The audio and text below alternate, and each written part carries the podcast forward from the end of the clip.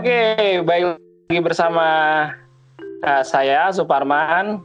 Kembali lagi di Orasi, obrolan yang mudah-mudahan ada nilai edukasi. Ya, kita akan ngebahas tentang Joker. Meskipun dengung-dengungnya sudah mulai nggak kedengaran lagi, cuman apalagi di sosial media itu ada larangan terus-terusan ya. Wah, jangan nonton Joker dan lain sebagainya. Memang sebenarnya ada apa sih dengan film Joker ini? Nah, kali ini kita akan ngebahas bersama-sama dengan Mas Taufan Harimurti ya. Siapa dia nanti kita akan perkenalkan. Tapi temanya kali ini adalah Joker, heroisme dan kehidupan. Selamat datang di orasi Mas Taufan Harimurti. Selamat malam semuanya. Gimana kabarnya Mas Taufan? Alhamdulillah baik nih. Habis ini apa? Habis pulang kerja lah biasa. Ngobrol-ngobrol santai sama Suparman Elmizan di channel Orasi. Orasi itu ngomong-ngomong apa sih panjangannya? Iya, Orasi ini sebetulnya uh, obrolan edukasi ya, tapi menutup kemungkinan Orasi ini juga bisa hal lain ya, kayak misalnya obrolan inspirasi bisa juga ya tapi saya yeah. meyakini bahwa setiap hal yang kita obrolkan itu sebetulnya ada nilai edukasinya tapi bagaimana ngobrol-ngobrolnya itu ya bukan cuma dinikmati sendiri ya tapi bisa juga dinikmati oleh orang lain okay. Udah mungkin Mas Taufan Harimurti. Kok jadi gantian saya yang diwawancara ya? eh, oh ya ngomong-ngomong ini uh, podcast keberapa nih? Seri keberapa? Di di orasinya, di orasinya. Di orasi ini mas, masih sesi yang pertama ya. Untuk episodenya masih rahasia karena nanti kita olah dulu mana yang akan keluar duluan. Tapi yang jelas pasti keluar ya. Mas Taufan, kenalan dulu dong. Mas Taufan ini siapa? Terus aktivitasnya apa? Silahkan Mas. Oke, selamat malam teman-teman. Assalamualaikum. Uh, saya perkenalkan saya Taufan. Saya saat ini tinggal di Kota Bandung. Saya kerja di sini aktivitas sehari-hari saya ngantor di sebuah uh, perusahaan penerbitan. Saya, posisi saya sebagai editor buku.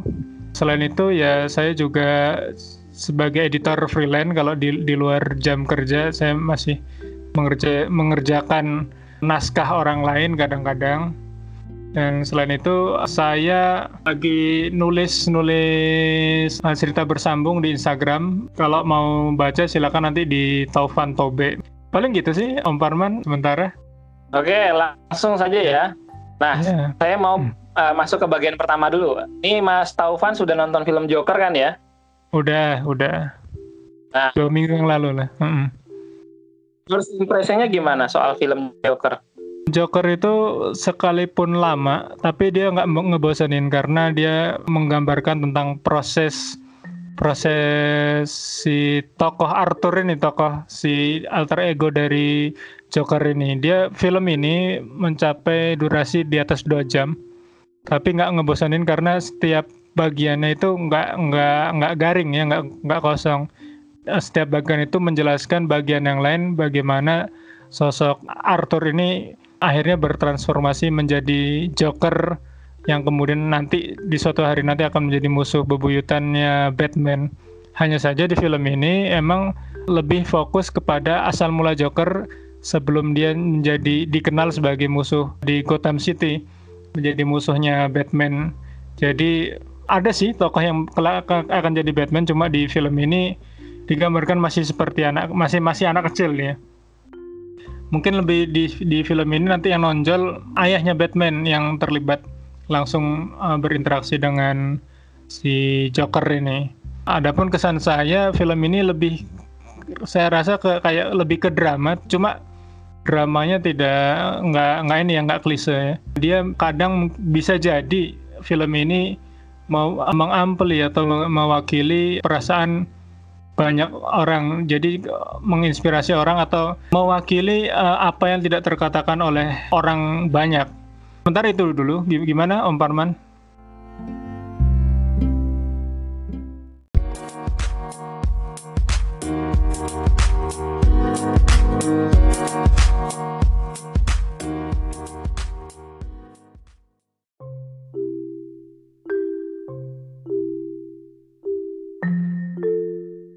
Tadi yang disinggung sama Mas Taufan so, mewakili perasaan orang lain ya, kira-kira gitu ya. Iya, nah, sepertinya saya ingin, saya ingin mengambil benang merahnya di situ. Jadi ya. saya mau katakan mewakili perasaan orang lain artinya orang lain yang disakiti, tersakiti atau yang punya perasaan yang sama, punya pengalaman yang sama. Yeah. Nah, kalau misalnya Joker itu mewakili semua perasaan orang-orang, lalu kemudian dia melakukan tindakan nyata, aksi nyata, apakah tindakan aksi atau aksi nyatanya itu bisa dikatakan aksi heroisme? Hmm, heroisme ini bagi saya subjektif ya. Bisa artinya sebagian orang mungkin bisa mengatakan iya, bagian lagi mengatakan tidak. Hanya saja saya ma ma malah melihat sosok Joker ini begini. Di film ini, ini tentu nggak spoiler ya. Mungkin asumsi yang udah yang dengerin podcast ini udah nonton semua lah gitu ya. Atau emang nggak nggak masalah di spoilerin.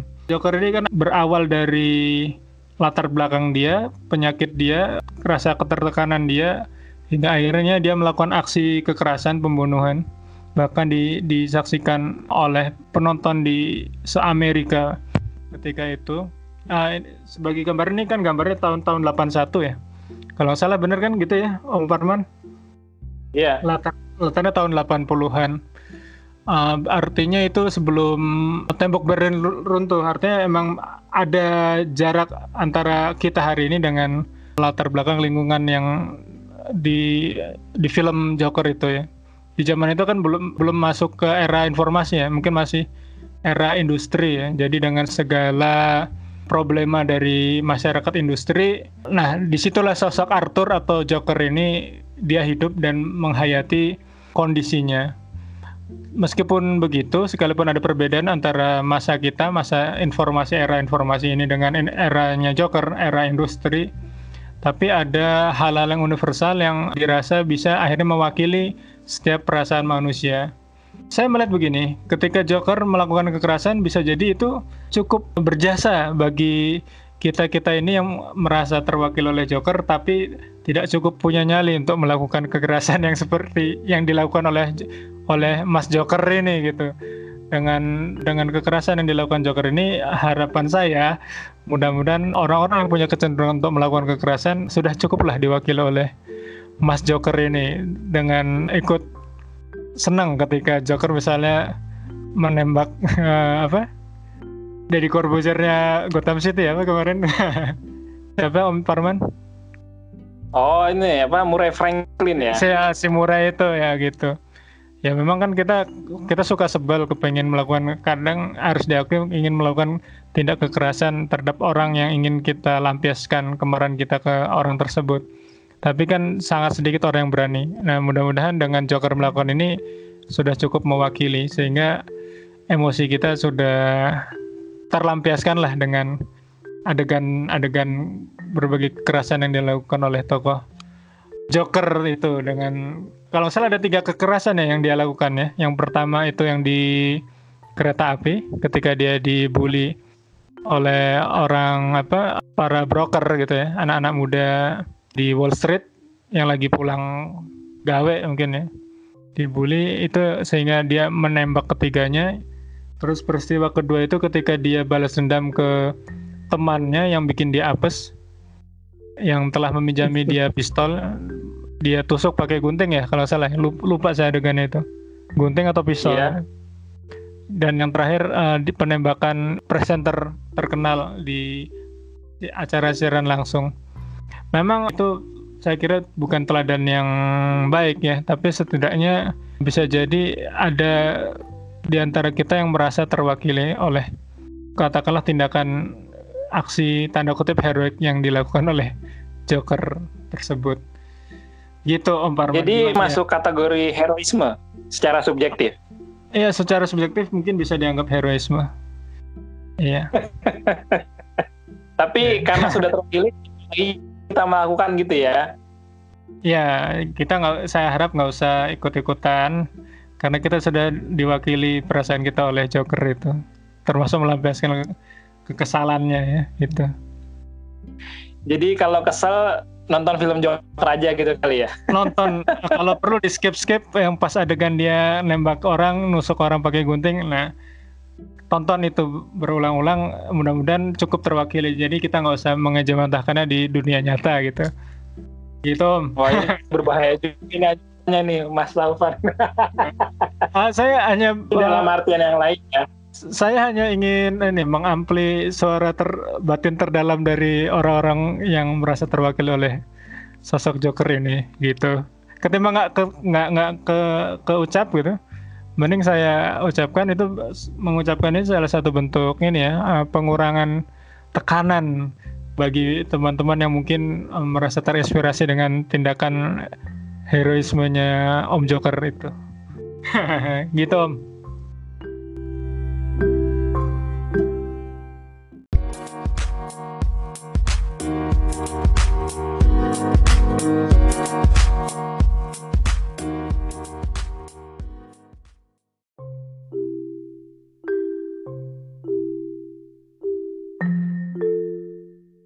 Oke, saya mau masuk ke bagian ketiga nih, Mas Taufan, soal kehidupan. Saya jujur saja ya, uh, sebelum nonton film Joker, Iya. kayaknya punya ekspektasi gitu ya, lihat di sosial media gitu kan, dengan orang-orang, wah kayaknya nih film dark banget gitu. Terus kemudian juga banyak yang banyak yang komentar sana sini, oh, sampai kemudian ada anjuran, jangan nonton Joker, jangan nonton Joker, yang membuat saya akhirnya nonton Joker juga. Iya. Tapi, tapi ketika saya nonton film Joker, Iya. saya tidak menemukan hal yang spesial malah di film Joker. Iya. Gimana gimana? Saya kira akan akan ada sesuatu yang lain gitu. Karena saya pada akhirnya saya beranggapan begini, Joker itu sudah Hmm. tidak dark lagi, sudah tidak bagus lagi, karena dia telah menuntaskan kegelisahannya dengan aksi nyata.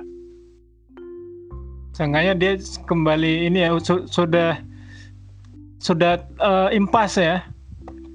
Jadi kegelapan itu Iya, berkurang jadinya kan dengan dengan aksi jadinya nyata dia. ya. gitu. Pengennya kan kalau ngelihat orang tertindas kan kita kan rasanya kesal dan lain sebagainya. Tapi ketika itu sudah di kayak Joker melakukan aksi pertamanya yang yang dia di kereta api itu kan, Iya. uh, terus kemudian selesai itu mulai dari situ si sisi sisi darknya sudah habis tuh sudah dibayar gitu loh jadi menurut saya Joker biasa aja malah kalau boleh dibilang sih lebay lebay Joker gitu Iya, iya. aja ngebunuh orang Iya. iya. Le- lemah ya. Nggak kayak Naruto ya. lemah kan lemah kan Nah, sa- sama-sama Iya, dibully tapi tetap baik iya, gitu ya. Iya Naruto parah sih Naruto emang Hmm. si se nggak mau temenannya si Sasuke sama dia dia tetap mau temenan nah itu parah Iya. tapi kalau Joker ini Hmm. ya dia begitu begitu nembak orang yang bikin di ngebully dia nyakitin dia ya udah selesai justru Iya. eh, Jokernya itu ada sebelum sebelum dia nembak itu Joker itu kan dia bilang gini sama si siapa namanya Murray Franklin Eh, tolong Iya. panggil saya pas sebelum Joker. masuk ke panggung Joker gitu kan artinya lelucon ya lelu- orang yang di- dibikin lelucon gitulah tapi u- eh, ketika dia ngebunuh orang dia melakukan tindak kejahatan dia udah nggak lucu lagi sudah Iya. nggak jadi bahan lelucon orang lagi Iya. yang ya, yang sekarang malah eh, mode-nya pindah gitu modenya pindah jokernya bukan lagi dia tapi orang-orang yang dia bunuh yang dia siksa nah itu jokernya pindah gitu loh Jadi yang lucu yang mati ya malah nih. Iya malahan yang mati yang tersiksa yang tertindas gitu jadi Hmm. ada semacam perasaan gak ini sih nggak apa sih namanya oh gitu doang sih lemah Iya. joker Iya. kalau menurut saya gimana tuh Nah si Joker ini kira-kira setelah ngebunuh tiga eh, berapa berarti satu dua tiga lima orang ya total korban dia di film ini ya. Dia harusnya tuntas ya hatinya ya. Maksudnya ya, kembali jadi manusia biasa ya. nggak Jadi bisa nggak- Nggak gelap. Atau nggak itu bisa atau dia malah jadi ini jadi hobi ngebunuh itu atau gimana itu kira-kiranya tapi kalau jadi hobi jadi nggak nggak nggak nggak jadi nggak gelap ya nah, namanya hobi. Iya, jadi alih Ke- kecuali dia dibully terus panjang film itu yang nggak nggak dikasih kesempatan ngebalas dendam kepengen balas dendam gagal balas dendam gagal. Dan film itu nge- ngegantung sampai akhir gitu aja gitu. Nah itu kan lebih Ya. lebih dark gitu ya gitu ya. lebih gelap gitu ya. Joker yang ya, gagal ya ya nggak juga. Cuma kan uh, ini aja. Gimana ya? Opini saya aja. Yang maksudnya adalah ketika kita yang jadi pertanyaan sebenarnya gini setiap orang kan punya beban hidupnya masing-masing tuh ya. ya mm. Eh, itu eh, tidak bisa diukur tuh perasaannya misalnya gini misalnya ada satu orang dia nggak makan sehari ya kan dibandingkan dengan orang yang ketusuk jarum sama-sama Iya. sakit tapi iya kalau kalau ditanya satu orang eh, orang per orang eh, pasti jawabannya akan sak- lebih sakit saya gitu lebih sakit saya gitu iya. Joker juga pasti kalau misalnya kita tanya pasti dia akan bilang lebih sakit saya karena nggak ada yang orang seperti ini. Tapi coba eh, tanya ke orang lain pasti redaksinya sama juga lebih sakit saya. Iya. jadi ukurannya nggak jelas tuh. Iya. Jadi da- dalam beban kehidupan itu eh, menurut saya semua orang sih Joker jadinya. Iya. A- Ada juga orang yang nggak masuk sekolah favorit udah berat banget gitu ya sampai bunuh diri gitu ya. Bisa jadi itu Nah, lebih itu lebih gelap dari lebih gelap dari Joker ya gitu ya. Lebih gelap Iya. dari penderitaan yang dialami Joker ya. Walaupun kalau dari kacamata kita ya lah cuma nggak masuk sekolah favorit kan biasa aja gitu ya. Tapi bagi dia udah udah gelap banget kali itu ya. Nah itu maksud saya Mas Taufan.